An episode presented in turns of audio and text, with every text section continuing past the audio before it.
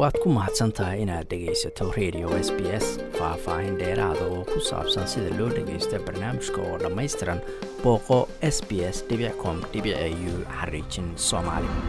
Andreas benrig brevig oo ahaa xagjir garabka midiga dilayna toddobaatan iyo toddoba qof kadib xasuuq ka dhacay dalka norway labadii kun iyo kow iyo tobankii ayaa la horgeeyey maxkamad si looga dhagaysto dalab uu ku doonayay in inta uga dhiman xabsiga uu bannaanka ku qaato. Toban sano ka hor ayaa ninkan dilaaga ah ee dalka norway u dhashay lagu xukumay labaatan iyo kow sano oo xabsi ah kadib markii qaraxyo uu ka sameeyey goobo dowladdu degan tahay oo ku taalla caasimada oslow iyo weerar hubaysan oo uu ku qaaday jasiiradda utoya oo ay isugu yimaadeen dhalinyaro ka tirsan xisbiga leybarka ee dalkaasi. Xabsigaas ayaa la dheerayn karaabaa la yidhi haddii maxkamaddu go'aansato in brevik uu khatar ku yahay bulshada. Laakiin sharciga norway ayaa dhigaya in ninkan oo afartan iyo laba jira uu xaq u leeyahay in damaanad lagu sii daayo kadib markuu toban sano xabsiga ku jiro inkastoo uusan wax shallayto ah ka muujin dembiyadii uu galay. Brevik oo garka baxsaday watana suud ayaa soo galay. Qol ka mid ahaa goobaha lagu jimicsada ee jiimka la yiraahdo oo maxkamad laga dhigay oo isla xabsiga ku yaalla waxaa kaloo ka muuqday ninkan astaamaha lagu yaqaan fariimaha caddaanka dadka isla waaweyn ee white supremacista la yiraahdo oo ku dheganaa dharkiisa iyo boorse uu wato. Wuxuu sidoo kale kor u hayay astaamo kuwaasi la mida. Waxaa sidoo kale uu taagay markuu soo gelayay salaantii lagu yaqaanay xisbigii naatsiga ee hitler isagoo sidoo kale sheegtay inuu yahay hogaamiyaha dhaqdhaqaaqa naadsiinta ee norway. Christian bectora waa brofesoorad dhanka sharciga ka dhigta jaamacadda oslo waxayna sheegtay inaysan la yaabin ama la yaab ku ahayn falka ama habdhaqanka ninkani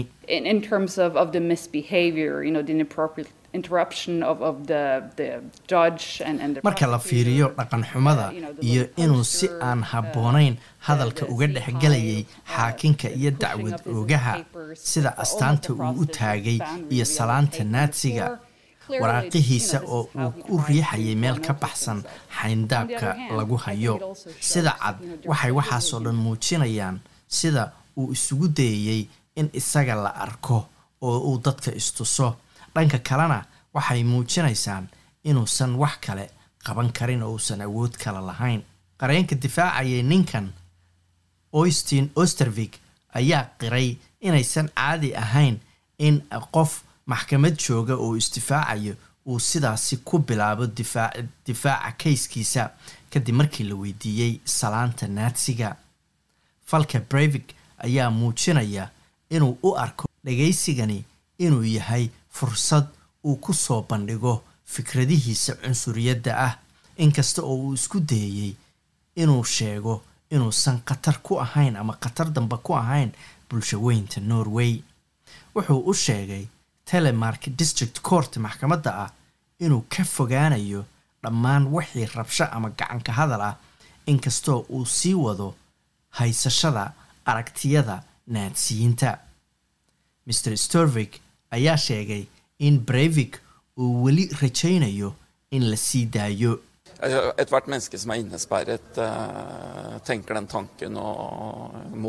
Qof kasta oo bini aadana oo la xiray wuxuu maskaxda ku hayaa sidii mar uun uu u badbaadi lahaa ama uu ku noolaan lahaa.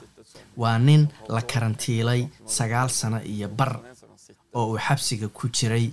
Maxkamaddii hore kadib xaalku waa uu degay ayuu yidhi wuxuuna xirnaa isagoo cidna aan la kulmayn.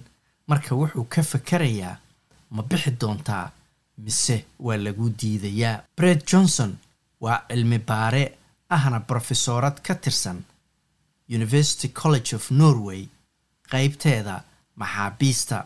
Waxay sheegtay in dembiga brevik uu yahay mid norway aan hore uga dhicin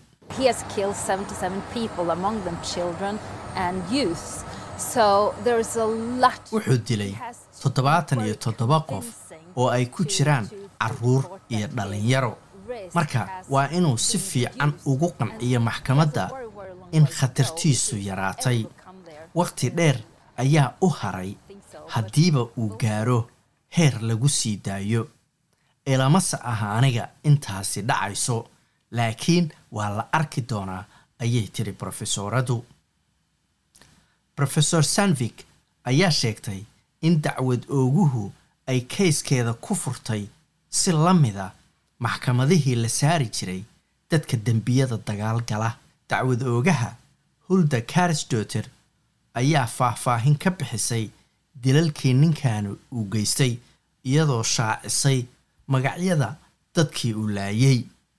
Brevik ayaa mar isku dayay inuu hadlo laakiin xaakim biovik ayaa amray inuusan hadalka ka dhexgelin The prosecutor, in particular, had a very clear idea of how she wanted to go about this, right? So, as you saw earlier today, she was reading. gaar ahaan dacwad ooguhu waa ay caddaysay waxa ay rabtay sidaas sidaad aragteen bilowgii maanta waxay akhriday dhammaan magacyadii dadkii dhintay mana aha wax caadiyan lagu sameeyo dhegaysiyada sii daynta damaanadda ama waxa baroolka loo yaqaano waxay akhriday toddobaatan iyo toddoba qof oo lagu dilay qaybta dowladdu ka degan tahay magaalada oslo oo ay ku jiraan sagaal qof oo aad loo dhaawacay oo lagu dhaawacay jasiiradda otoya waxay kaloo sharaxday noocyadii dhaawacyadii dadkaasi loo geystay iyo sida ay u dhinteen.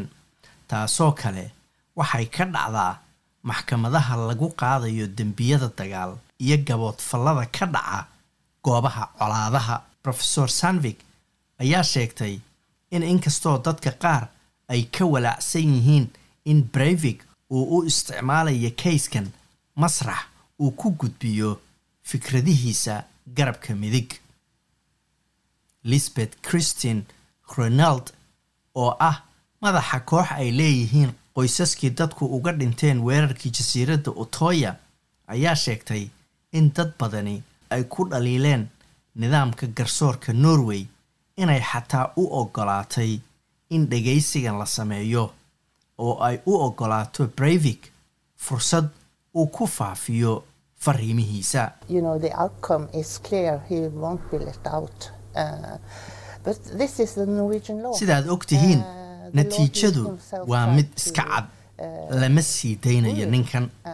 laakiin sharciga uh, norway ayaa sidaas qoraya. waa isla sharciga uu ninkani isku him, inuu ku tunto.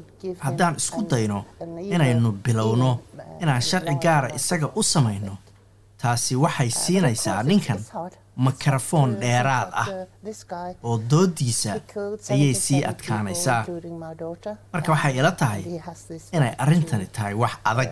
Waa wax adag in laga fakero in ninkan uu dilay toddobaatan iyo toddoba qof oo ay ku jirtay gabadhii anigu aan dhalay in xaq loo siiyo inuu markaasi xukunkii racfaan ka qaato. Dhagaysiga ayaa socon doona muddo saddex maalmooda laakiin xukunka ayaa qaadanaya in lagu dhawaaqo asbuucyo.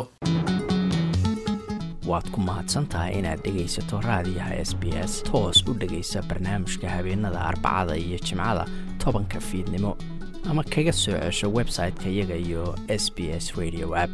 Booqo s b s com au xariijin soomaali